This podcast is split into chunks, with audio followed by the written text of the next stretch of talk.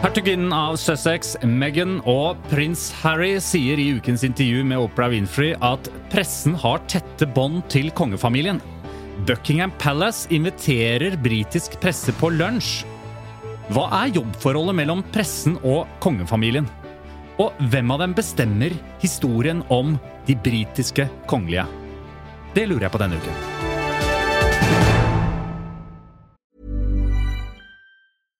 Hiring for your small business? If you're not looking for professionals on LinkedIn, you're looking in the wrong place. That's like looking for your car keys in a fish tank. LinkedIn helps you hire professionals you can't find anywhere else, even those who aren't actively searching for a new job but might be open to the perfect role. In a given month, over 70% of LinkedIn users don't even visit other leading job sites. So start looking in the right place. With LinkedIn, you can hire professionals like a professional. Post your free job on linkedin.com slash people today. Jewelry isn't a gift you give just once. It's a way to remind your loved one of a beautiful moment every time they see it. Blue Nile can help you find the gift that says how you feel and says it beautifully with expert guidance and a wide assortment of jewelry of the highest quality at the best price. Go to BlueNile.com and experience the convenience of shopping Blue Nile, the original online jeweler since 1999. That's BlueNile.com to find the perfect jewelry gift for any occasion. BlueNile.com. Og det alt handler om i denne verden, er jo er det bare tut og kjør i medienes redaksjoner, eller er det sånn at eh, journalistene jobber beinhardt for å presentere de nyhetene du leser hver eneste dag? Og hvordan er det egentlig de jobber? Og det er jo det som denne podkasten er til for. Eh, Eva Sandum, velkommen til deg. Takk for det. Svein Tore Bergestuen, velkommen til deg.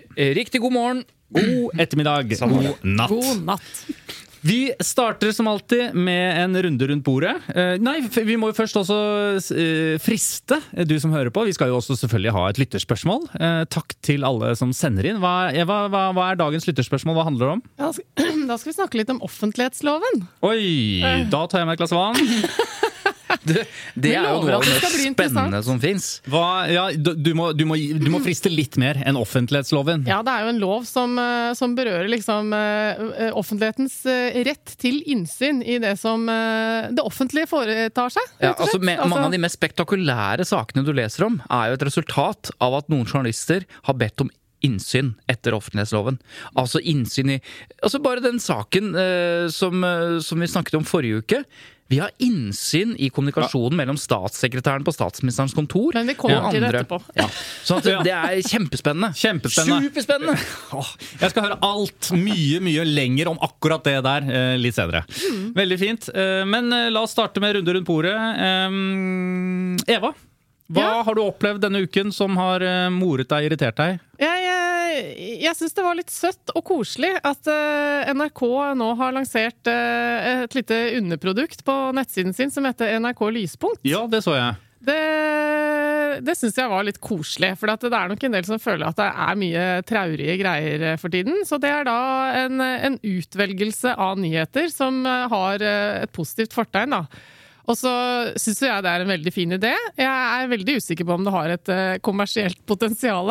Men NRK skal jo ikke være kommersielle. Nei, men altså ikke kommersielt i forhold Altså, til å tjene penger, nok. men at liksom det blir svært. For at det, jeg, jeg tror at eh, det er en fin idé, og så når man merker at det er litt sånn Norge i dag, eh, litt sånn koselige eh, saker, så, så vil man nok merke at man savner de ordentlige nyhetene også. Men det er fint hvis man bare trenger å slappe av litt og surfe litt på nett, så kan man liksom skjerme seg fra all dritten. Da. Trenger du det? Innimellom så har jeg nok godt av det. Trenger du den første som ligger der? Gladnyheter. Eh, Leandra 23 ble rusfri. Er det Ja. den du trenger å høre? Ja, du, For du mener at det ikke er gladnyhet? Jo, jo, jo. ja, Slik lager du middag for 50 kroner. Nei, men jeg er enig. jeg. Jeg, jeg syns det, jeg syns det er fint. Jeg syns det er sympatisk. Det er helt øverst på, på dette lyspunkt kan du se. Da kan du velge, da. Jeg vil prikk, prikk, prikk. Se lyspunkter. Lese positive nyheter. Henge med kohorten. Trene. Underholdes. Lage digg mat. Altså, det er jo et, et lite rom som Ja. skapes her, da. I denne, i denne litt triste tilværelsen. Og denne ideen leste jeg kom fra en kvinne. Ja. Ok. Ja. Hvorfor er det så viktig å Nei, det, jeg, Presisere? bare, jeg bare sier det. Ja, du bare sier det. Jeg bare konstaterer det. Ja. Men du, jeg har lyst til å kompensere denne gladsaken med en liten ting som irriterer meg òg. Okay. Jeg har begynt å irritere meg mer og mer over eh, sak, altså nettsaker, spesielt når jeg leser på mobil, Mm. med uthevede sitater. Og med det så mener jeg at eh, man er vant til fra papiravisens eh, tid eh, og magasiner og sånn, at eh, en lang tekst skal eh, liksom gjøres mer eh, tilgjengelig ved at man henter ut noen sitater, ikke sant? Ja, det er setter dem nærmest et designelement i det. Ja, det er bare sånn for å liksom Mm. dra deg litt inn i forskjellige eh, deler av siden og sånn. Men eh, på mobil så, ha, så kjenner jeg at det, det irriterer meg så innmari, for dette, det ligger jo da mellom teksten. Mm. Eh, og det er liksom Det blir til at du leser det, for at du scroller jo bare nedover. Og det jeg syns er eh, plagsomt, er at jeg, jeg stadig vekk føler at jeg liksom leser gjentagelser, eller at poengene i den egentlige teksten kommer før det egentlig skal komme, fordi at du leser det kronologisk. Eva, vær snill. Er det bare meg som er du helt andre fjern nå? st store problemer ja, i det var det jeg også satt og tenkte på.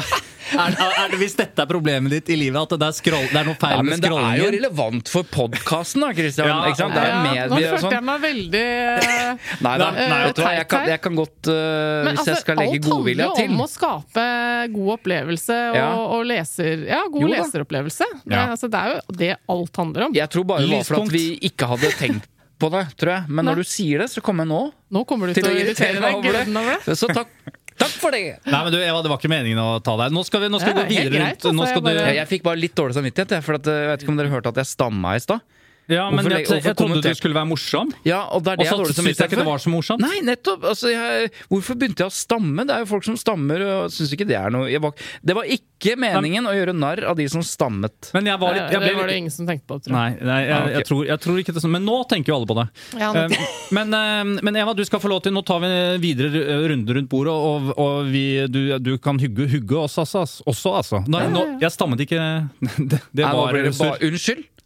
Ja. Det er din tur rundt bordet, for nå må vi tur, gå riktig vei. Du, ja. Rundt sola. Vet du hva, ja, det, det var bare dukket opp et veldig interessant dilemma, syns jeg. Eh, og det er, omhandler denne rettssaken mot IS-kvinnen som pågår nå. Eh, og hun er jo da anklaget for å ha hjulpet IS. eh, og hun er dermed tiltalt for å ha deltatt i terrororganisasjonen. Ja. Um, og så sitter hun nå i retten og forteller om sitt liv, og der uh, sier hun jo at alt var tvang, og at hun da og, da og da kommer hun jo med mange påstander om sin tidligere mann, Bastian Vasques. Um, og ha, at han var voldelig, blant annet. Og, men så er det jo sånn at han er jo død. Så nå sitter jo denne kvinnen i rettssaken, i rettssalen og snakker, kommer med masse negative påstander om en død person.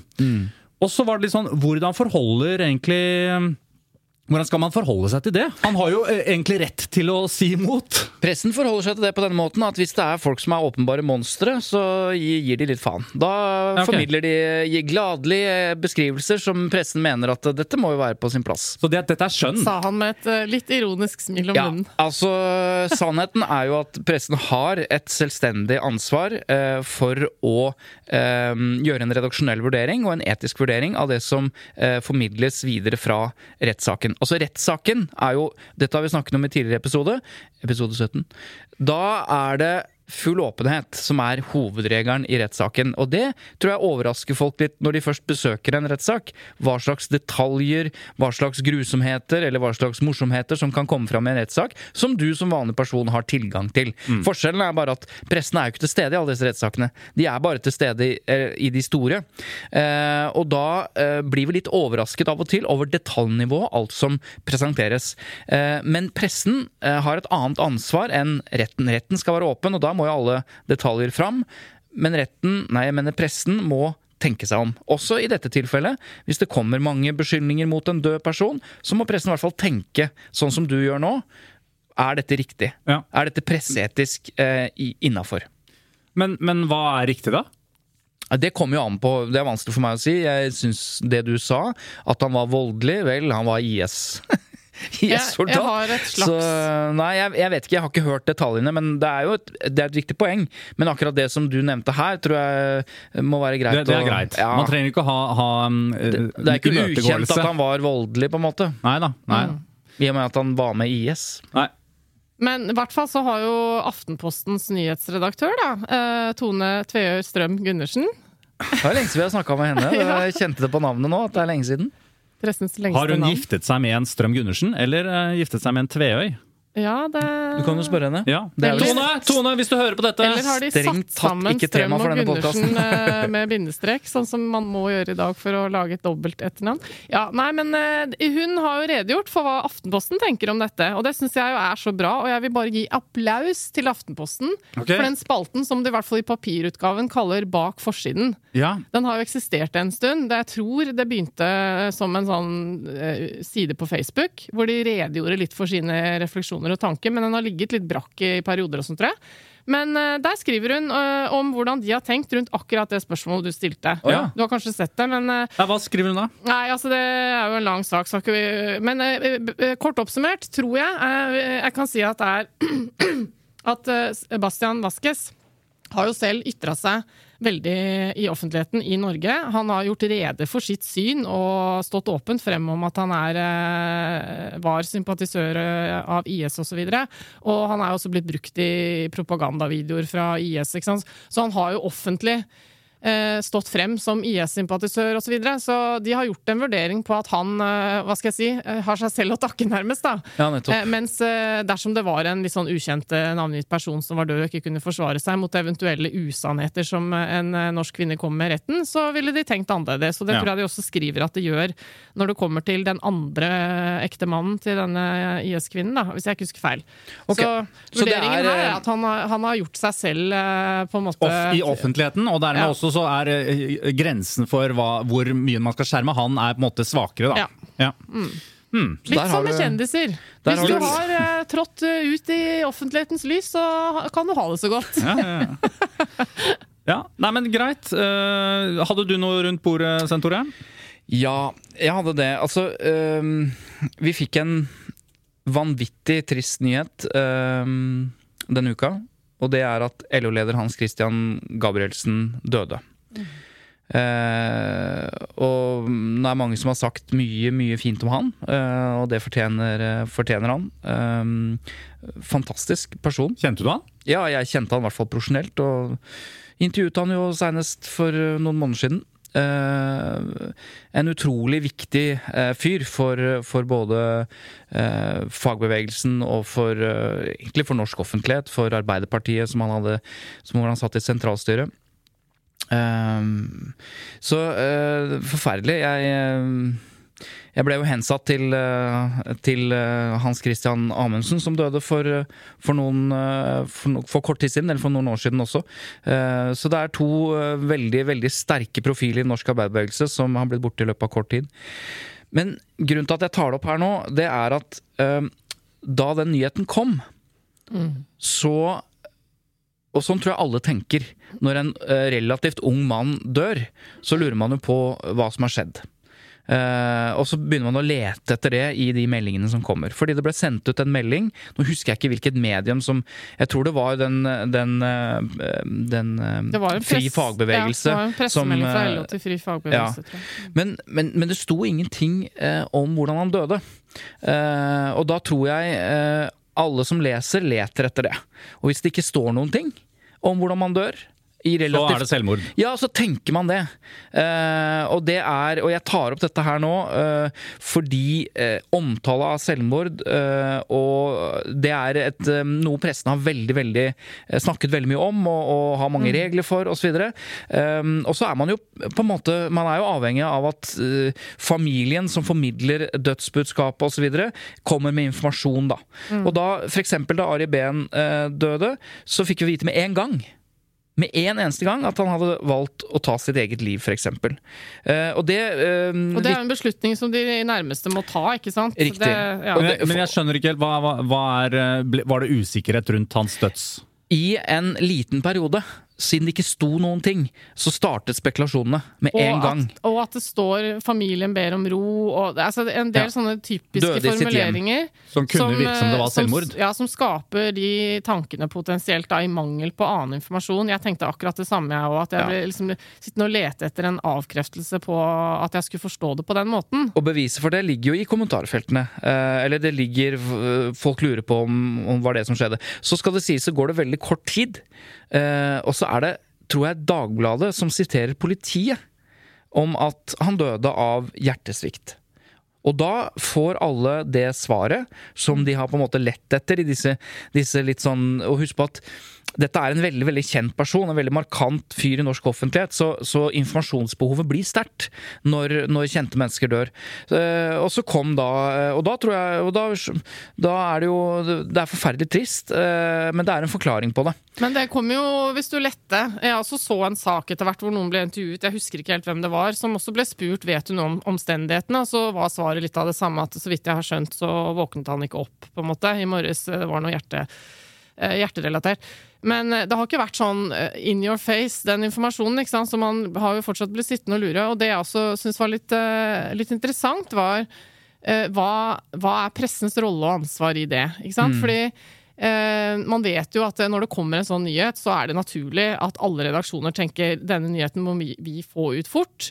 Og så kan jo vi sitte her og si at det, det spiller da ingen rolle om den nyheten hadde kommet en time senere, men sånn er det nå en gang. At alle redaksjoner tenker at vi må ha denne saken øverst på vår nettavis. Mm. Selv om jeg skulle ønske da at uh, refleksjonen i alle redaksjoner var dette uh, virket litt uh, rart. Hvis vi ikke sier noe mer nå, så vil vi skape en mistanke. Hva kan vi gjøre for å forhindre det? Ta en ekstra telefon, prøve å bli enig med de som har kommet med denne meldingen, om liksom, hva har dere lyst til å si? Fordi at hvis dere ikke sier Altså et eller annet sånt noe. En dialog da, som unngår denne mistanken. Men hva er det, hva er det pressen Så strengt tatt så burde pressen ha ventet til å annonsere noe? Nei. Ja, det er urealistisk i dette tilfellet, ja. da. Men poenget mitt var bare at hypotetisk sett så skulle jeg jo ønske det. at absolutt alle hadde den samme refleksjonen, og, og så at denne meldingen, eh, pga. hva familien og de nærmeste har valgt å si, eh, kan skape mistanker. Hva kan vi gjøre med det? Jo, vi kan ringe dem og si Men og så bare håper jeg at folk som hører på nå, bare uh, ikke uh,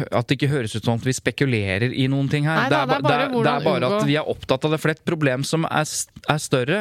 Altså, dette ble jo avklart ganske raskt. Men det er jo sånn at La oss si det er selvmord i en familie, eller en, en kjent person uh, tar livet sitt. Det skjedde for noen år siden. En sportsprofil, f.eks. Uh, og så er uh, familien det er de som eier den historien. Det er de som må for fortelle eller ikke fortelle. Mm. De valgte å ikke fortelle at det var selvmord.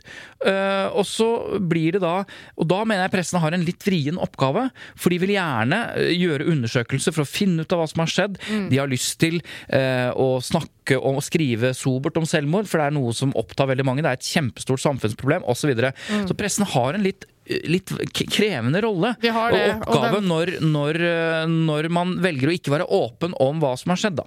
Men, og den rollen tar de veldig på alvor, det må mm. vi understreke, for det vet jeg at uh, alle redaksjoner virkelig gjør. Og det kan også nevnes at uh, omtalen av selvmord er kanskje et av de uh, punktene, eller feltene innenfor presseetikken, som har vært under størst forandring mm. de siste årene.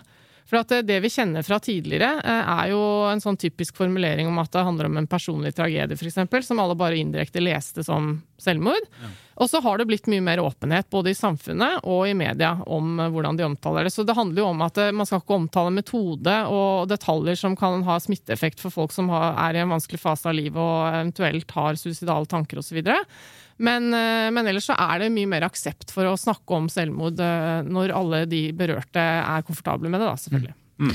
Mm. Ok. Skal vi gå på sak én? Da syns jeg vi skal gå på yes. saken. Den uh, åpenbare ja, saken. Det er det. det er det. Fordi, og dette har jeg gledet meg til å mm. snakke med dere om. Uh, nemlig det store intervjuet med, med hertuginnen av Sussex, Meghan, og prins Harry. Når du sier det sånn, du sa ja. det sånn i stad, hertuginnen av Sussex Det har jeg aldri tenkt noe særlig på. For meg er hun bare skuespilleren i Suits, liksom. Og så plutselig er hun ja. hertuginnen av Sussex. Da er jo ikke du helt profesjonell, Nei, altså, men, for det er hennes offisielle tittel. Jo da, men hun er jo amerikansk skuespiller, altså la oss uh, være ærlige. Ja, kan... Jeg som ikke har sett Suits, jeg tenker ikke det. Nei, ikke sant. Så uh, for uh, mitt hovedpoeng, eller det som jeg har veldig lyst til å diskutere med dere, er jo rett og slett hva er jobbforholdet mellom pressen og kongefamilien? Så dere intervjuet? Ja. Mm. ja. Det er bra. Det er et godt utgangspunkt for at de sitter her nå. Eh, jeg har bare lyst til å spille en liten, en liten flik av det, eh, hvor de nettopp snakker om eh, kongefamiliens forhold til pressen. Og mm. avhengighetsforholdet snakker de vel også om? Ja, avhengighetsforholdet snakker de her. Hør her. What do you care about better press if you're royal? I think everyone needs to have some compassion for, for them in that situation, right? There is a level of control by fear that has existed for generations. I mean, but who's controlling who? You- hmm. It's the institution.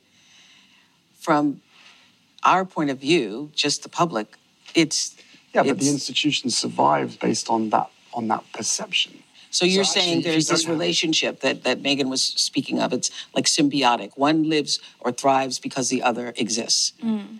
That's what you're saying. That's the idea. Well, and so I mean, I think there's a hmm. reason that these tabloids have holiday parties at the palace. They're hosted by the palace. The tabloids are. You know, there is a construct that's at play there. And because from the beginning of our relationship, they were so attacking and inciting so much racism really i mean mm-hmm. it changed our the risk level because it went it wasn't just catty gossip it was bringing out a part of people that was racist in how it was charged. Mm-hmm. And that changed the threat, that changed the level of death threats, that changed everything. Ok, det er veldig mange ting her som, det er, som jeg har lyst til å diskutere. Ja, jeg ser Eh, det. Du har litt sånn stjerner i øynene. Du er kjempenysgjerrig på alt. ja, men, men la oss bare ta litt sånn generelt først. Hvordan er det, er det, er det overraskende for dere at, eh, at eh, det britiske kongehuset inviterer pressen inn på lunsj? Altså det tette båndet der, hva er det som er vanlig? Er det, er det innafor for dere? Ja, altså Forholdet mellom eh, kongefamilien og pressen Det er jo et, som de sier, et symbiotisk forhold. Og Én ting er det formelle, dette med lunsj og invitere inn for å, for å vise fram og for å diskutere. Det, det er jo en charade, ikke sant? Det er jo det er hyggelig, det, liksom. Hva er charade? Hva er det? Ja, altså Det er jo bare en sånn eh, Her, se, vi har et godt forhold, vi behandler hverandre med respekt osv. Men det er jo det som skjer i spaltene, og, eh, og det som har skjedd i britisk tabloidpresse knyttet til f.eks. Diana, da, med med avlytting og skandaler og hele pakka. Altså Det, det derre ekstremt aggressive og på forholdet som britiske tabloider har til egentlig alle kjendiser, da, men spesielt kongefamilien. Eh, Det er helt absurd. Det er vanskelig å sette seg inn i for, eh, med norske briller. Men det de forteller om, det som er interessant, er selvfølgelig det gjensidige avhengighetsforholdet. Ja. Eh, Og i hvert fall når kongefamilien splittes på den måten som man har gjort opp gjennom historien, for eksempel Og nå? og nå, så er det jo Og da kan man forstå eh, britiske tabloiders reaksjon på intervjuet. Fordi de har jo, i hvert fall hvis man skal tro Meghan, og lese, man kan jo lese artiklene også, så ser man at det har vært en enorm kritisk eh, vinkling på henne, kontra f.eks. Eh, eh, kona til broren, da. Kate. Katie.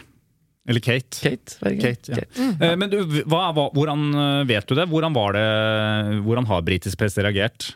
Har du siste Nei, nytt på det? det, ja, altså De mener jo øh, at altså Hvis du ser, leser britiske tabloider, i hvert fall sånn overfladisk, så er du jo veldig kritisk til dette intervjuet. Ikke bare timingen og sånn, men, øh, men øh, Og det er han der BBC-programlederen som måtte gå fra jobben, som på en måte sier det tydeligst. Han tror ikke på en dritt av det du sier! Ikke en dritt! Nei. Og det er klart, det er nok reaksjonen til mange av de tabloide mediene. Fordi det, det hun sier, er jo faktisk f.eks. dette ene at Nei, det var ikke jeg som fikk Kate til å gråte, det var Kate som fikk meg til å gråte. Og så har mediene skrevet altså det motsatte historien. Ja, så hun som- angriper jo britisk tabloider, så det er ikke noe rart at de reagerer. Men de har valgt side, da.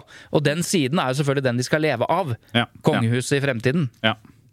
Men, men eh, i dette så ligger det jo også da, hvis det forholdet er så tett at de hele tiden snakker sammen og, og, og, og sånn, så, så blir det jo også neste spørsmål blir altså hvem er det egentlig som bestemmer hvilke historier som skal være der ute om eh, disse kongelige? Er det pressen, eller er det kongefamilien som lekker, eller er det, hvor, hvordan, eh, hvordan funker det? Eva Sandum, du er jo Du, Du, du kjenner hun, jo Ja, nå tenker hun Du Skal jeg, kjenner jo om det skal skal jeg bruke mine egne erfaringer? Hva skal jeg gjøre? koker det fælt oppi topplokket her. Ja, det skjønner jeg. For du Ja. jo- ble var jo kjæreste med, med Kjæreste. Kjæreste med, med kongen av Spania, du. Ja, han var ikke konge da. Nei, Nei, men eh, prins da. jeg, jeg, jeg, jeg sitter også og tenker litt, for at jeg, jeg syns det er litt sånn komisk på en måte at du virker så overraska. Men det er kanskje mange som er overraska over at det er et sånt eh, liksom, avhengighetsforhold, da. Eh, For at det at eh, det at det er en lunsj mellom presserepresentanter og, og liksom eh, The Firm, da, representanter fra The Firm, som de kaller det. Institution. Ja, ja, de kaller det begge deler. Eh, Er at det foregår i ny og ne. Det liksom Det er jo akkurat som vi snakket om i, i forrige uke, at det er jo en pågående relasjon mellom liksom politikerne og journalistene, ikke sant? Og alle de kongelige, i hvert fall de ganske høyt opp i systemet, har jo sine egne pressesekretærer, som hele tiden styrer, prøver å styre narrativet eh, og historiene som lekker ut, og, og styre dem i en retning hvis det er lekket noe som de skal Og, og ofte så er jo dette sånne sit-downs, liksom. altså siden du først nevner at eh, jeg har vært uh, surra, surra borti noe kongelige greier eh, for 20 år siden. Ja. Så eh, vårt forhold uh, var jo aldri kommentert i offentligheten noen gang av noen av oss, egentlig. Uh, og den eneste gangen det ble kommentert, det var da vi skulle offentliggjøre at det var over, og det skjedde på et sånt møte. Ja. Hvor prins Filippe da hadde sin årlige julelunsj, på en måte. Eller med, med noen utvalgte liksom kongelige Altså kongereporter, eller folk som dekket kongehuset jevnlig, og han og Så Var du der da? Nei, nei, men uh, dette var jo et møte, så valgte han å dele den nyheten uh, som vi hadde blitt enige om at skulle skje på den måten. da. Og, og, og det er liksom uh, Det er jo ikke så rart at eh, en sånn institusjon har et pågående forhold og en dialog med representanter fra pressen, så akkurat det at det er en lunsj på Buckingham Palace i ny og ne, det syns liksom ikke jeg Men det virket jo som er prins. Harry var veldig kritisk til det. Dette tette båndet. Ja, Ja. fordi han har sett konsekvensene av det. Ja. Når, når, altså fordi at det, Problemet er ikke nødvendigvis avhengighetsforhold mellom kongefamilien i Storbritannia og pressen. Det er jo at, at familien er i, i krig med hverandre hele tiden. Og da brukes jo og Hvis du har sett The Crown, så ser man jo gode eksempler på hvordan pressesekretæren eller pressemannen til Diana kjemper en innbitt kamp ikke sant, for henne og er på hennes lag, mens pressesekretæren til, den der, eh, til Charles, som ble fremstilt som en utrolig arrogant eh, jævel, eh, eh, kjemper jo, de kjemper jo mot hverandre og bruker pressen. Ja. og det er jo et veldig veldig godt eksempel eh, hvordan man distanserer seg, hvordan f.eks. dronningen aldri er med på dette, selvfølgelig. Og, og i The Crown så viser man jo blant annet når dronningen blir veldig uenig med, med Margaret Thatcher, som var uh, Storbritannias statsminister uh, på den tiden, på 80-tallet, uh, og hvordan hun da hvordan pressesekretæren hennes, eller Slottes, eh, har en uformell prat med en av redaktørene i, i avisene, og lekker informasjon om at dette her Dronningen er helt uenig med Thatcher. Men det går jo så langt at når, eh, når reaksjonene kom på det, for det har dronningen aldri gjort før, ment noe om eh, sånn sånn, så ender det opp med at han som fikk beskjed om å lekke den saken, han får jo sparken offentlig. Sånn at det, det er jo et spill, dette her, hvor bare én eh, person, eller en, bare én som skal beskyttes, og det er dronningen. Og det ser man også nå. Og det er jo eh, eh, det er jo komisk, egentlig, eh, at vi nå er vitne til eh, en live sesong eh, fire, blir det vel, da, av The Crown. Ja, for det er jo det som er- foregår. Det, det kan sant? jo ikke bli bedre etter det intervjuet der. Nei, det er jo for, for det er jo liksom Det vi har nå lært om det britiske kongehuset, det har vi jo lært gjennom The Crown. Og så er jo det vi, drama. vi har lært eh, Andre har jo lest bøker og, Ja. og, og studert.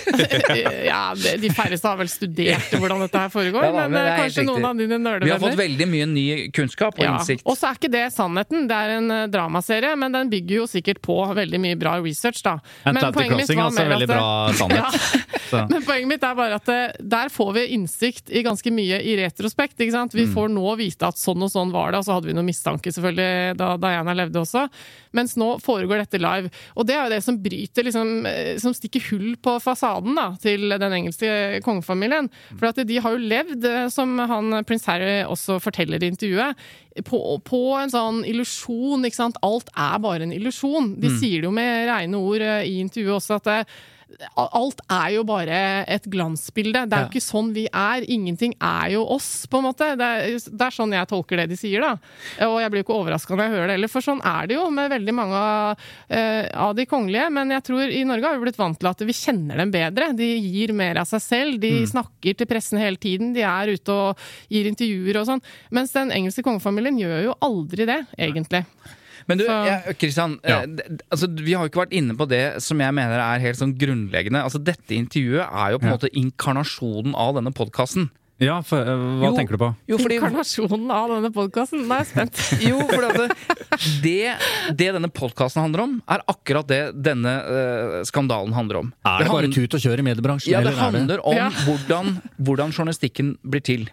Ja. Fordi Ja, det- for det må vi snakke vi om. må jo snakke om dette intervjuet. Ja, så la oss grei, det. greiene er jo at Et helt håpløst intervju. det er, Ok. to, det er to krefter, på en måte, eller to institusjoner som nå jobber som bare pokker. Og da snakker jeg ikke om kongefamilien. På den ene siden er det journalistikken. Journalistikken til Oprah Winfrey, altså selve intervjuet. Journalistikken til britiske tabloider og reaksjonen på det. Og det er kommunikasjonsfaget. Og journalistikken eh, også i Norge, i etterkant Ja, av hele Men det er journalistikken, Ja. og det er kommunikasjonen. Ja. For det er, her er det jo åpenbart eh, det er, Altså, de som jobber med Meghan og Harry, da.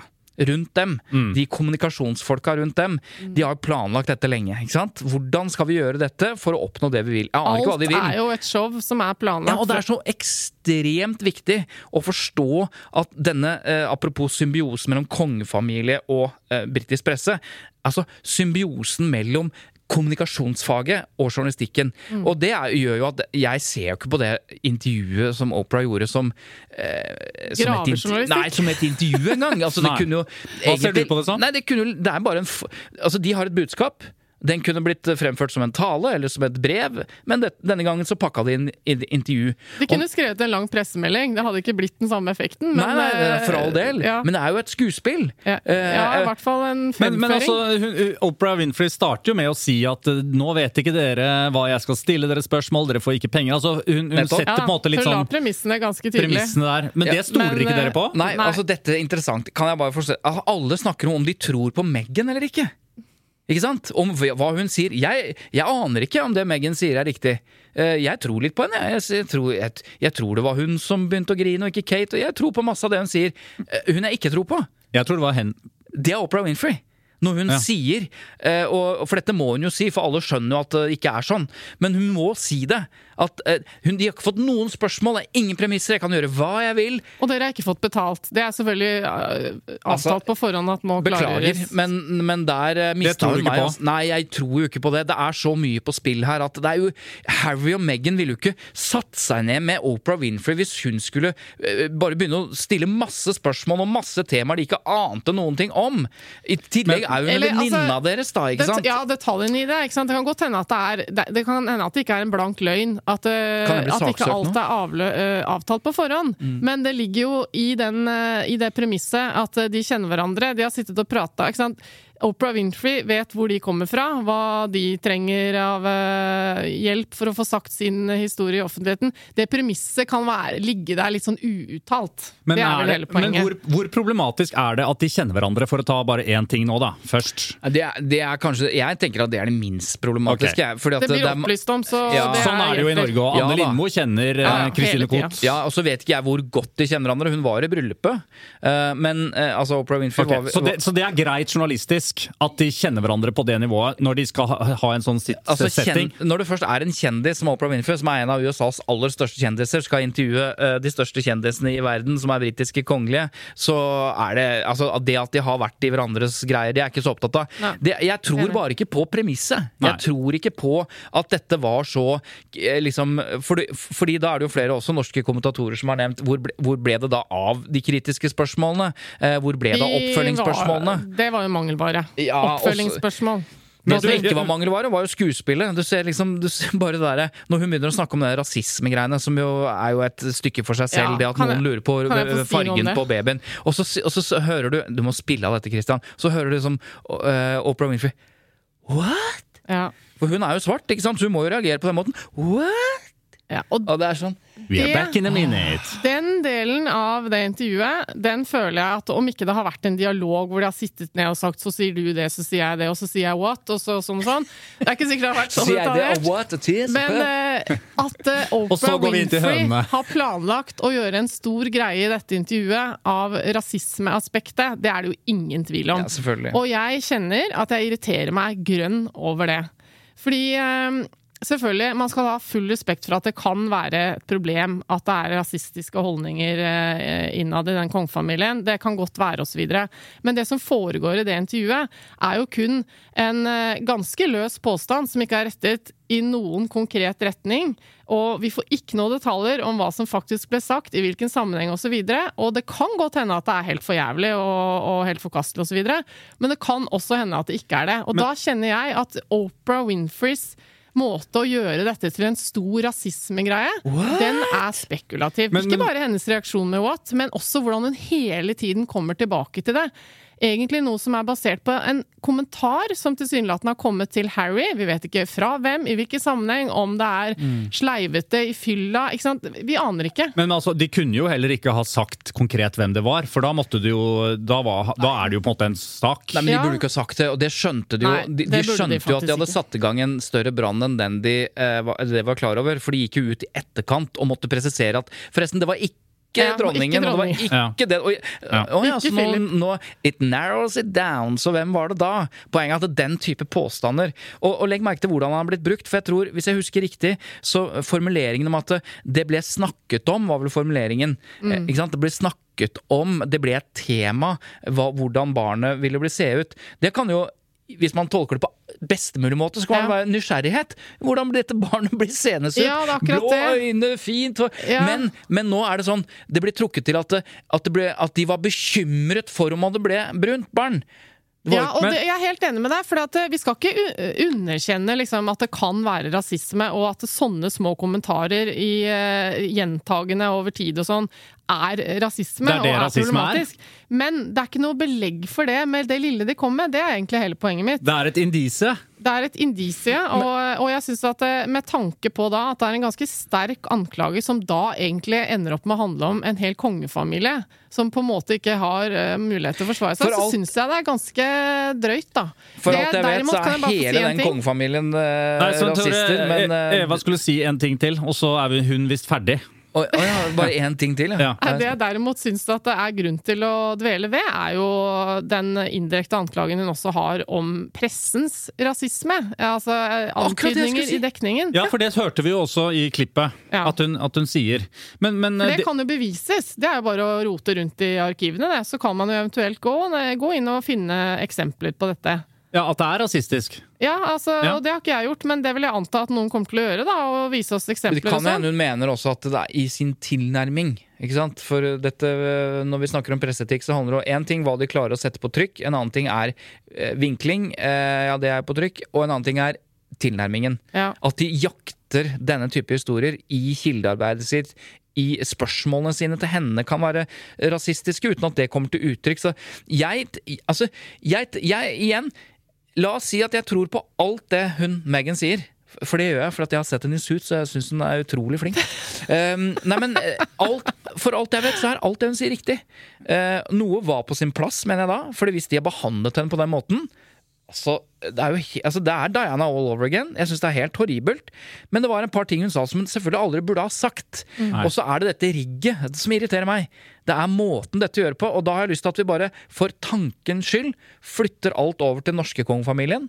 At eh, La oss si at, eh, at eh, kronprins Haakon og Mette-Marit fikk nok.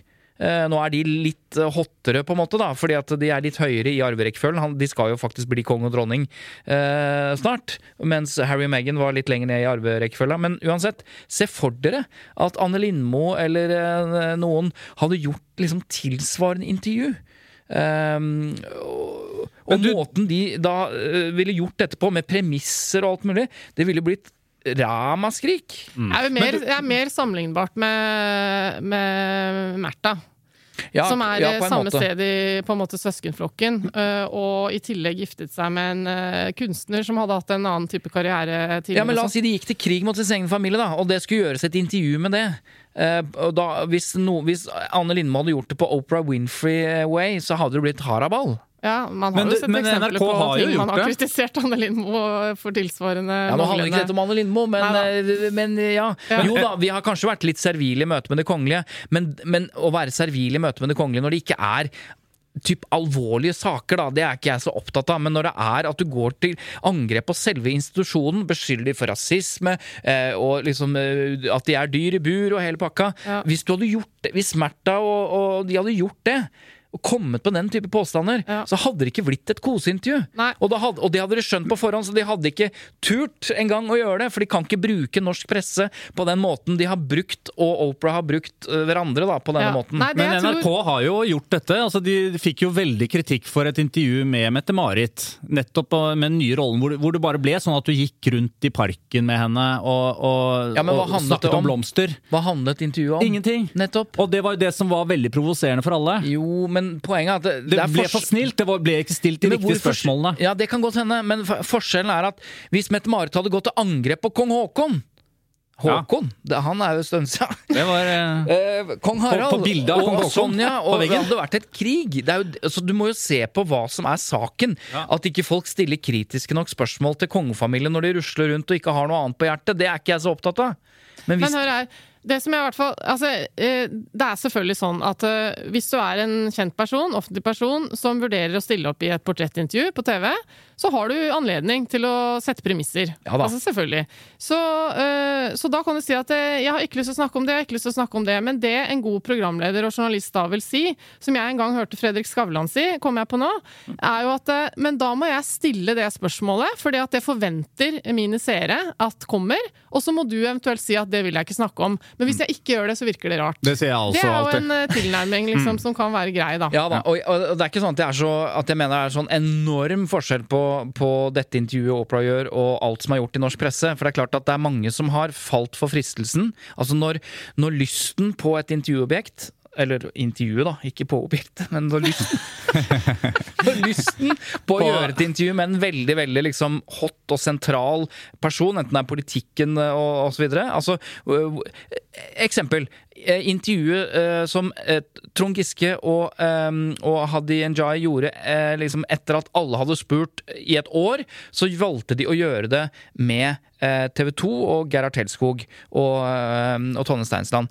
Og da oppstår jo den kritikken eh, nærmest på refleks. At her har det alle presseorganisasjonene eller alle avisene prøvd å få det intervjuet, men så valgte de TV 2. Da må det jo være Og grunnen til det må jo være at de har fått lov til av TV 2 å komme med sin historie, at det er noe greier at de ikke skulle få noe kritisk Altså den, den logikken oppstår lett hos folk, mm. og det er jo fordi at, at, eh, at det ofte er sånn. At det er noen som har eh, tenkt at det er mer verdifullt for meg å få intervjuet eh, enn at jeg, eh, enn at jeg liksom må stille kritiske spørsmål. Så jeg Og det, driter i det. Det syns jeg er greit, for det er jo journalistisk interessant, vil jo da den redaksjonen kunne si. Folk vil gjerne høre uh, den versjonen av historien. Ja, men hvis de legger premisser, så, uh, så om at du ikke kan stille de og de spørsmålene, så skal journalister si nei til det. Fordi det er jo brudd på, uh, på deres oppdrag. Du kan ikke, Ja, ja, du ja. kan ikke bli kjøpt Eller prøve, og så få nei, da. For Ja, ja, å liksom holde kontrakten med Nettopp. Og publikummet sitt. Oprah, Oprah Winfrey eh, ville jo ikke gjennomføre dette intervjuet, fordi hvis hun da ikke fikk lov til å si uh, jeg, jeg, jeg ikke, Dere er ikke forberedt i det hele tatt. Ja, nettopp. Til, jeg tror øh, Det er mulig jeg tar feil, men jeg tror øh, altså Hun løy. ikke jeg, ja, jeg tror ikke på det i det hele tatt. Men la oss ta litt det intervjuet. Hva, fordi det er jo en um, Altså, hva syns dere om selve intervjuet? Altså, var, det, var, var hun flink til intervjuet, eller var hun dårlig? Vi har jo snakket litt i Tut og Mediekjør om eh, det, det gode spørsmålet. det var Ja, altså Opera Oprah sin rolle. ja. Ja, jeg er nesten sånn at jeg ikke har lyst til å gå inn i det, nettopp fordi jeg betrakter intervjuet som et skuespill. Eh, så Ja, da er det ikke så- sant? For men, det, da kan ikke du forholde deg til det. men, men Svein Tore Bergestuen. Poenget er at de, de kommunikasjonsforberedelsene her for dette paret, de er, det er så nøye. De vet hva de skal si. Så begynne å snakke om liksom, intervjuteknikk, det blir nesten liksom sånn et sidespor. uh, som politikerne sier nå. Ja. Uh, det er et sidespor. Ja. Eh, men, men når du først spør, det var noen veldig gode spørsmål der, som var åpne, og som gjorde at Som var en oppfordring til å fortelle og beskrive hvordan ting var. Det er veldig bra. Og så var det noen veldig ledende spørsmål. Er det sånn at det egentlig er Sånn som vi hørte faktisk det klippet. Ja, er det det du sier nå, sånn at sånn og sånn og sånn? Det, det ja, føler jeg er litt sånn amerikansk uh, intervjustil. Altså, man, man, Det er veldig ladete spørsmål som er veldig sånn lukke, lukke, lukke. So you think actually how Ja. The feeling about going in the, the door and the, and the man was just pointing at you with a gun? Did you feel anything about that? Wasn't that annoying? Er helt perfekt! Ja, det er helt riktig. Ja. Altså, og den varianten der, den er ikke så god. Nei. Det kan av og til være behov for det vi kaller for justified closed questions, som det heter i, i, i metodikken. Og det er altså når du faktisk må avklare.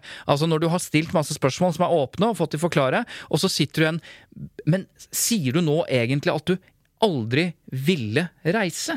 Jo, det, Altså, det gjorde, gjorde, det gjorde hun mye Ja, så noe av, det var, noe av det var veldig ledende, og sånn som du eh, viste nå. Men noe av det var litt sånn avklaring. Oppsummering, Sier du, nå, sier du nå faktisk at du ikke ville dette? Sier du nå Mm. at du hadde suicidale tanker? Det var det jo, altså Hun måtte jo Bare for å få den litt ja-en Ja. eller nei-en. Ja. For noen ganger kan det være eh, Kan det være smart å gjøre en sånn Når du har prøvd eh, å få dem til å fortelle med egne ord, som jo er mye mer troverdig enn når du foreslår svaret, så kommer det en avklaring til slutt. Men den, eh, men den Men jeg, ja. jeg, jeg er ikke så sikker på For jeg er ikke så sikker som dere på at dette var At hun løy så på starten der med at de ikke visste om spørsmålene. En annen ting er jo hvor delaktig de har vært med i klippen i etterkant. Eh, Det, så det er jo en annen eh, ting. Men, men jeg har lyst til å spille av eh, et sted hvor jeg på en måte syns Oprah Winfrey gjør en veldig god jobb. Um, og, Forutsatt at det ikke er avtalt å spille. ja, selvfølgelig. selvfølgelig. uh, så det er et kjempegodt spill, en spillejobb. spillejobb. Um, nei, men, men, og Det som jeg synes er så bra her, det er jo at Megan kommer forferdelig dårlig ut fordi hun nettopp får rom til å svare. Fordi journalisten lar eh, hører, Ja. og, og er ikke i veien. Nettopp. Hør på dette. Dette høres jo veldig bra ut, da. Ja. Nå er jeg spent. Megan snakker nå her om um, hvordan hun kom inn i kongefamilien og var totalt uforberedt eh, til hva som ventet henne eh, idet hun giftet seg med prins Harry. Ja. Og, og dette stiller da Oprah spørsmål ved. Eh, hvordan kunne hun være så uforberedt på den rollen?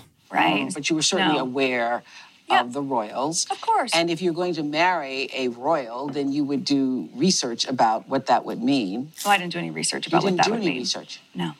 I've never looked up my husband online. I just didn't feel a need to because everything that I needed to know he was sharing with me, right? Everything that we thought I needed to know he was telling me. So you didn't have a conversation with yourself or talking to your friends or thinking about what it's like, what it would be like to marry a prince who is Harry, who you had fallen in love with, and what it would mean to be a part of that family. You, you didn't give it a lot of thought? No, we thought about what we thought it might be. Yeah? Which is, that's what, that's what I'm yeah, trying to get. I mean, like I didn't fully understand what the job was, right? What is what does it mean to be a working royal? What do you do? What does that mean? I knew that he and I were very aligned on all of our cause-driven work. That was part of our initial connection, um, and what we talked about in our the beginning of our courtship. But I think there was no way to understand what the day to day was going to be like. Her, her syns jeg Oprah er flink til å grave litt. Ja, det kan du si, men eh, hun Dette er jo et eh, Altså, spørsmålene hennes er jo lengre enn svaret. Would would you like to one- will think that you If you're gonna marry rah. Hvorfor kunne du ikke bare stille spørsmålet OK, Megan. How did you prepare for Ja, men hør nå her, da! Jo, men jeg- Dette er dritviktig! Jo, jeg, jeg, Hør nå. Hvordan forberedte du deg på å gifte deg med Harry? På å bli en del av kongelig? I didn't prepare. Why? Explain. Det er jo det han skulle Ja gjort, da. da! I stedet Ja for å Vi er, vi er enige. Vi er enige. Vi bare tuller med deg, Svein Tore. det, det, det hadde vært eh, kanskje det beste, men jeg syns likevel at uh, Meghan og Harry får lov til å snakke ut i dette intervjuet. Og uh, Istedenfor at uh, hun er Altså Oprah, altså intervjueren, er eh, så kraftig til stede at du overskygger de som blir intervjuet. Som jeg ofte syns er det, det, det dårligste jeg hører, da. Ja da, og Men jeg ja, tenker liksom kvelden før, uh, når hun har sittet med en serviett eh, ved siden av vinglasset og bestemt seg for liksom hva skal være det etterlatte inntrykket etter dette store intervjuet som skal gå verden rundt, Hvem har den servietten? Oprah Winfrey, Ja, ja. så tenker jeg at der står det rasisme, eh, selvmordstanker. Jo, jo, men Hun det er jo ikke rart. på. Nei, det er jo det mest eh, betente. Men det, er jo, det vitner jo om at eh, hun vet hva som skal komme. Eh, I Jo, jo, men altså, Alle journalister gjør jo research på de de skal intervjue. Det er jo ikke unaturlig at hun vet at ok, vi skal gjennom rasisme, vi skal gjennom den, Ja, vi skal men gjennom hun- den. ja, Da tar jeg det Men- først. Jeg er enig. Jeg Jeg er enig. Poenget mitt er bare at eh, jeg, tror, jeg får veldig sterk følelse av at eh, hun har bestemt seg for at dette skal liksom eh, gjøres så stort så Altså, jeg føler at det er Oprah Winfrey som skaper eh, denne store rasismegreia, mer enn eh, det ville blitt hvis det, hvis det bare ble sagt Poenget er at det her er det eh, Oprah Winfrey har alt å tjene. Hun har fått 65 millioner kroner. Hun har alt å tjene. Hun, ja, hun har solgt intervjuet for Ja, 65 ja, millioner ja. kroner. Ok. Uh, Meghan og Harry har potensielt ekstremt mye å tape. Det er, det er så mye som står på spill. Dette er altså eh, De skal angripe eh, verdens eldste kongedømme. Cool fact a crocodile can't stick out its tongue. Also, you can get health insurance for a month or just under a year in some states. United Healthcare short term insurance plans, underwritten by Golden Rule Insurance Company, offer flexible, budget friendly coverage for you. Learn more at uh1.com. I'm Sandra, and I'm just the professional your small business was looking for. But you didn't hire me because you didn't use LinkedIn jobs. LinkedIn has professionals you can't find anywhere else, including those who aren't actively looking for a new job but might be open to the perfect role, like me. In a given month, over 70% of LinkedIn users don't visit other leading job sites. So if you're not looking on LinkedIn, you'll miss out on great candidates like Sandra. Start hiring professionals like a professional. Post your free job on linkedin.com/people today. En institusjon, eh, et helt folk. Ja, ja, vi skjønner. Ja, men skjønner du? Ja. Du går ikke inn i det intervjuet med Oprah Winfrey uten at du har et 100% kontroll! Det er poenget. Og så spiller Oprah med her. Og så kan man diskutere her er hun flink, for her Jo, altså, Meghan skjønner kanskje ikke at dette var eh, Det var kanskje ikke så lurt å, å fortelle at du ikke hadde forberedt deg, men poenget er at Megan syns at det var Hun syns at Megan forteller dette her antageligvis fordi at jeg, er- jeg er helt liksom Jeg er åpen, jeg går inn i dette. Ja, jeg hadde ikke, jeg tror det var jeg en del ville av- ikke bli prinsesse, så jeg, jeg Ja, elsket Harry. nettopp. Jeg gjorde ikke noen forberedelser. Det er det. Det er På det en måte narrativet hun vil nobelt. Skape. Men grenseløst naiv, selvfølgelig. Det skjønner hun etterpå at det så kanskje litt dumt ut at jeg var så naiv. Ja. Alt jeg tror nok den historien hun forteller der, er liksom Det er based on a true story. Men det er jo altså, Det er jo, det er jo bare det, i- det er altså, nok riktig min- at hun hadde en sånn litt naiv holdning og var ikke så opptatt av å liksom Men det er jo oppspillet til en kritikk om manglende Ivaretakelse? Ja, og oppfølging og liksom Ja. forberedelser fra Og da tenker jeg han kongeeksperten i Norge, husker ikke hva han het, Trond Berg Eriksen, eller jeg husker ikke, men han sa bare det er jo én som har svikta fundamentalt der, Ja. og det er Harry. Harry, ja, og Ja. det kan jeg være enig i ut fra det som blir sagt i intervjuet. At eh, nei, vi snakket om, litt om hvordan det kom til å bli og sånn, men det tenker jeg er litt sånn Hvis du skal i den rollen han er, eh, håper å si, dra i land en kone, så må du ta det i bits and pieces, tror jeg. For at hvis du på date én forteller liksom Nå skal jeg fortelle deg, hvis du ender opp med å Ja. Du kan jo kunne meg, begynne der. Du, skal jeg fortelle en liten historie sånn historie om mora mi. Og hennes forhold til kongehuset Ja. og, og britiske tabloider. Jeg tror du skal vite Fred være med henne. Ja. Ok, For å oppsummere da dette intervjuet. Um, ifølge dere var det da altså Det, det planlegges Pressen og kongefamilien uh, og eh, intervju... Ja, ja, pressen og kongefamilien planlegger sammen tett hva slags historie som skal ut i hvert enkelt intervju. Ja, ja. Og det ble det gjort her. Så dette var et spill. Ja, det, Ja. ja. Jeg var veldig spent jeg, på hva som kom til å komme fra andre sida. Det var bra. Ja, for at jeg tenkte Fra sånn andre sida, hva er det for noe da? fra Fra Buckingham Ja, selvfølgelig, ja. Jeg tenkte liksom, Hvis jeg nå uh, fikk den telefonen og ble bedt om å være rådgiver, hva gjør vi nå?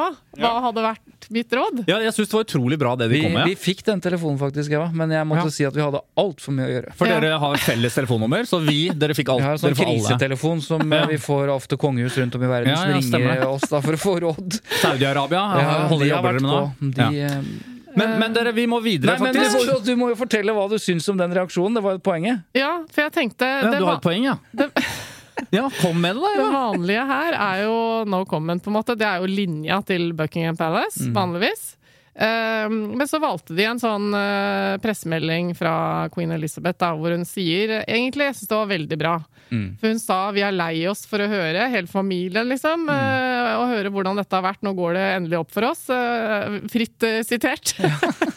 Og vi elsker dere. Eh, og vi er veldig glad i dere, ja. Mm. Og dette var triste greier, på en måte. Og hvis det er eh, hvis, det, hvis det stemmer, og nå er jo folks hukommelse individuell, en sånn type formulering var det. Mm. Hvis det stemmer dette med rasisme og sånn, så skal vi ta det på kammerset. Altså, Det er litt sånn, for at Perfekt. de kan, Ja, ikke, de kan ikke avskjære det Nei. poenget. ikke sant? Nei. Det vil aldri Men de kunne vært kaldere, sånn som de har vært tidligere. Altså, De har jo ikke hatt perfekt kommunikasjon fra det kongehuset tidligere. Nei. De kunne valgt en annen eh, retning. på det. Men dette var jo helt Og det, Det gjør jo at eh, ikke sant, nå er, det, nå er alle i Storbritannia i hvert fall over 50 år. De elsker kongefamilien og queen Elizabeth og sånn, og så hater de Meghan og Harry. Ja. Og så er det litt annerledes eh, i de yngre rekkene, men de, de har bomma, altså. De har rett og slett bomma litt. Dere, vi, vi må videre. Vi skal ha lytterspørsmål. Dæven, det Vi, skal vi ha. eh, og Eva, det var du som skulle ha ansvaret for det. Ja. Det var offentlighetsloven. Hey! Hva er spørsmålet, og fra hvem? Ja, det Spørsmålet er fra en som uh, hadde lyst til å være anonym, så ah, ja, okay. jeg har gitt uh, personen kildevern. La oss kalle henne Iselin. Ja, Ja. Det hadde vært veldig dumt hvis det var akkurat det. Ja, men, det eh, men uh, hun spør mm, Pressen har jo innsyn i offentlige instansers dokumenter. I mange tilfeller er jo også all korrespondanse på f.eks. e-post også offentlig, eller i hvert fall tilgjengelig. Eh, Men hvordan er det med innsynet i dialogen da mellom en journalist og de samme offentlige personene eller institusjonene? Er e-postutvekslingen med en journalist mulig å ettergå? Altså, først og fremst, Hva slags e-postutveksling snakker vi om her? Nei, altså, jeg tenkte det er et interessant spørsmål, fordi ehm, eh, Ja, la oss si den saken som har vært litt sånn uh, big deal i det siste, ikke sant? Med, med ordføreren i Molde og Ja, og statssekretæren på statssekretæren på statsministerens sånn, kontor. så er spørsmålet liksom Det var så mye sånn Hvem har VG avtalt med statsministerens kontor, eller har det vært direkte dialog, sånn og sånn? Så kan man jo lure på uh, Er det mulig da, siden vi har lov til å se alle mulige andre offentlige dokumenter og, og dialog og sånn, er det mulig også å se hva slags dialog som har vært med journalistene? Jeg skjønner ikke den dialogen. Hva er det? Er det 'hei, kan du Nei, gjøre et et kan- intervju med meg'? La oss si da E-post? at man er offer for en pressedekning. Og så mistenker man at journalisten har gjort en uredelig jobb. At de stiller ledende spørsmål, eller om de liksom er finurlige i måten de spør et departement eller et direktorat eller en statssekretær om noe. De tror at Også, det er koklemunke mellom Ja, journalisten og den offentlige etaten. Ja, at det er et samarbeid, altså konspiratorisk? Ja, Ja. eller i hvert fall uredelig, da. Eller La oss si at at du har mistanke om det. Spørsmålet handler vel, sånn som jeg tolker det, litt om at eh, hvorfor skal liksom alt det journalistene driver med, få lov til å være eh, deres privilegium, alt er hemmelig, alt de gjør er kilde, liksom vernet? Ja, for For det er kommer jeg jo litt enig i, at det er jo en grunnholdning, at vi er beskyttet, mens alle andre ikke sant? Det kan, Ja, ja, ja. Man kan jo se det litt på Ja. den måten. Ja, Her kommer to hens, kryssende hensyn. Ikke sant? Det er offentlighetsloven og innsyn. Alt skal være åpent i utgangspunktet, og så er det kildevernet. Mm. Så det betyr rett og slett at når en statssekretær sender eh, e-post til en ordfører, så er den kommunikasjonen der, den er offentlig. Ja. Den skal vi gi innsyn i, hvis det ikke da er eh, unntatt offentlighet av en eller annen grunn. Men utgangspunktet er offentlig. Men hvis en journalist snakker med en kilde, så skal jo det være beskyttet. Det er jo kildevern. kildevern. Men hva da, når det er en e-post fra statssekretæren til en journalist i VG? Har jeg innsyn som NRK-journalist i den korrespondansen? Men har du det? Ja, har jeg det, Eva? Eller har, Har har, jeg, som, Har jeg det? eh, som uh, meg, har jeg lov til å få vite hvordan den? For det er ikke bare journalister som eh, håper å si, rammes. Har innsyn, nei. Nei, Altså, som innsynet er jo privatpersonen Men Eva alt Sandum? dette her kan en som kan det veldig Åh, godt. det var enda nå ble det mye surr her. Ja, det var enda godt at noen kan svare Jeg på har nemlig snakket med Kristine Foss, som til vanlig da er jurist i Presseforbundet, eh, og jobber spesielt med saker som handler om offentlighetsloven, eller off ja. Eh, Men tilfeldigvis nå er i permisjon fordi hun eh, jobber med Ytringsfrihetskommisjonen. Men jeg ringte henne og spurte om akkurat dette som lytteren vår lurer på. Hør hva hun svarer her. Ja, eh, korrespondanse med journalister er også mulig å be om innsyn i. Eh, det er ikke noen grunn til å unnta dokumentene det at du har mail Altså du har maila med en journalist, da. Eh, Så hvordan gjør man det, egentlig, hvis man ikke vet hvordan man går frem? Ja, Da kan du ta kontakt med den instansen som eh, du vet har hatt kontakt med en journalist, og så kan du be om innsyn. Og hvis de skal holde noe tilbake, så er de nødt til å oppgi en lovbestemmelse som kan begrunne at de holder det hemmelig. De kan ikke bare si nei, da. Nettopp, så de må, de må ha en god begrunnelse. Men er det etter offentlighetsloven, eller er det annet lovverk? Nei, Det er offentlighetsloven som gjelder for alle offentlige instanser. Og Den går ut på at eh, alle kan be om innsyn i alt det offentlige sitter på. Og så må de ha en god grunn i form av en lovbestemmelse for å si nei.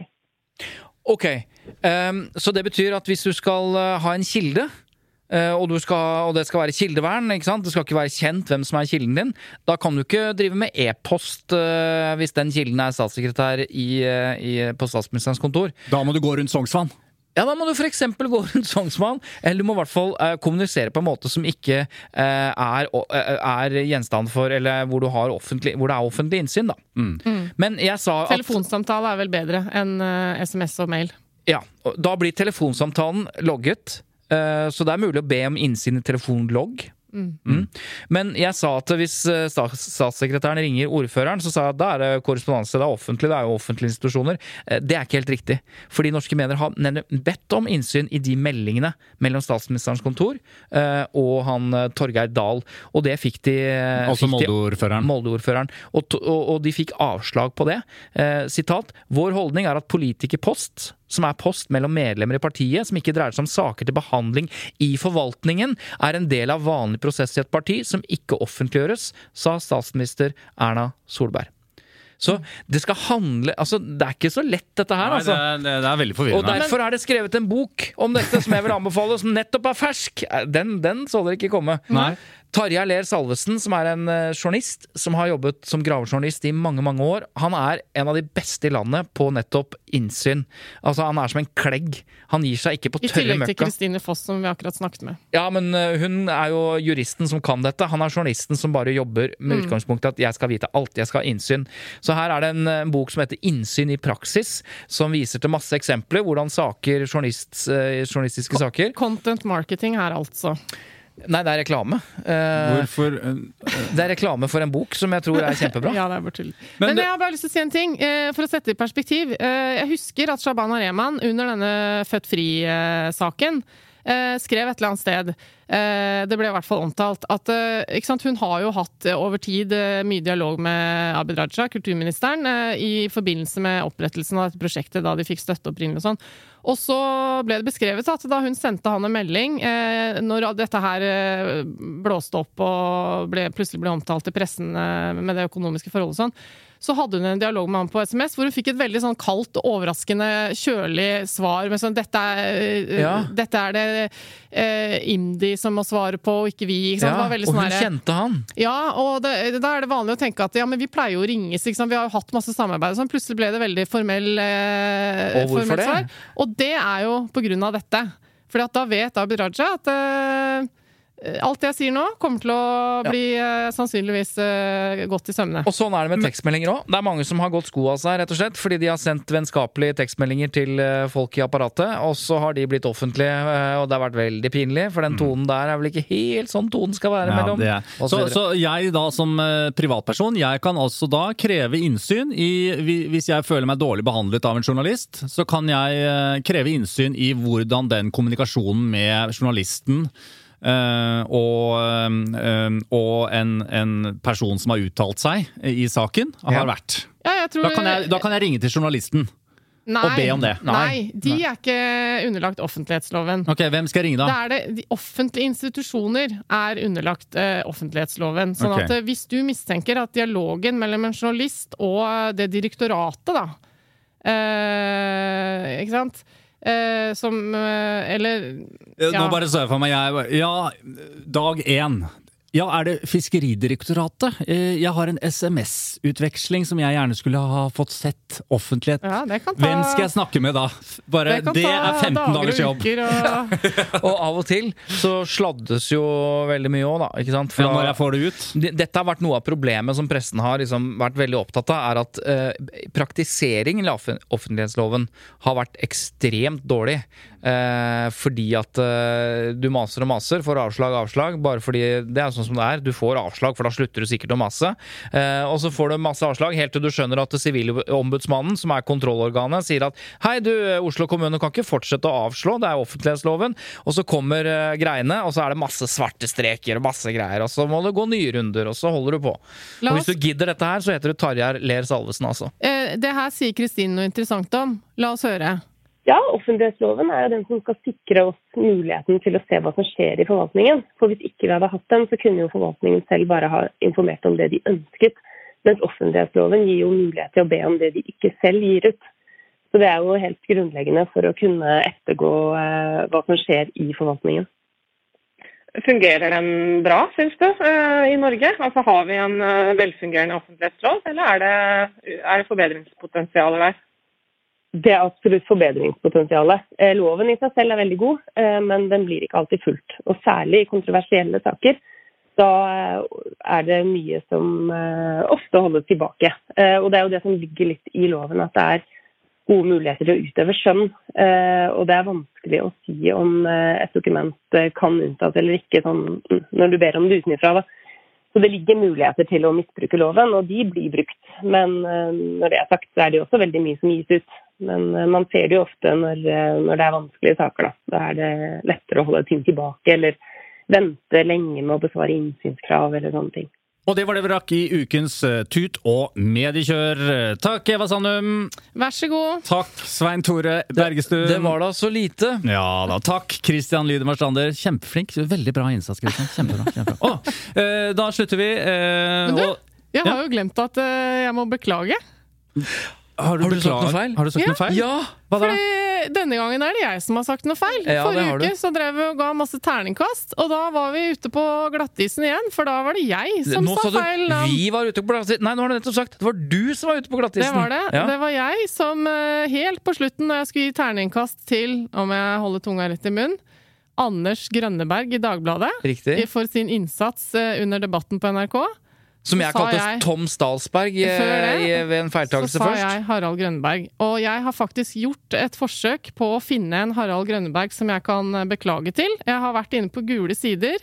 Ikke funnet noen Harald Grønneberg, så det har Nei, men jeg ikke fått til. Du vet jo hvorfor du, du, kalte han Harald Grønneberg. Ja, fordi det ligner på Harald Rønneberg, Nettopp. og dem er det mange av. Så da har du vel beklaget til Harald Rønneberg, da? Nei, det har jeg ikke. Hvor du har linket de to sammen? Nei. jeg, jeg bare beklager herved. Hvis det finnes noen der ute som heter Harald Grønneberg, så var det ikke meningen å gi deg terningkast tre i forrige episode. Det fins en kjent person som heter Harald Grønningen. Det er jo ganske likt. Han er en gammel skiløper. Kan vi bare slutte nå? Ja, vi kan egentlig det. Ja, okay.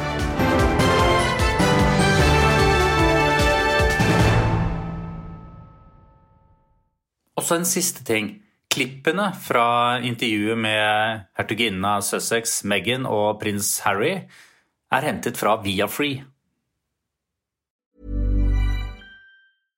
Imagine the softest sheets you've ever felt. Now imagine them getting even softer over time. That's what you'll feel with Bowl and Branch's organic cotton sheets. In a recent customer survey, 96% replied that Bowl and Branch sheets get softer with every wash. Start getting your best night's sleep in these sheets that get softer and softer for years to come. Try their sheets with a 30-night guarantee. Plus, get 15% off your first order at bowlandbranch.com. Code BUTTERY. Exclusions apply. See site for details. Hi, I'm Daniel, founder of Pretty Litter. Cats and cat owners deserve better than any old fashioned litter. That's why I teamed up with scientists and veterinarians to create Pretty Litter. Its innovative crystal formula has superior odor control and weighs up to 80% less than clay litter. Pretty Litter even monitors health by changing colors to help detect early signs of potential illness. It's the world's smartest kitty litter. Go to prettylitter.com and use code ACAST for 20% off your first order and a free cat toy. Terms and conditions apply. See site for details.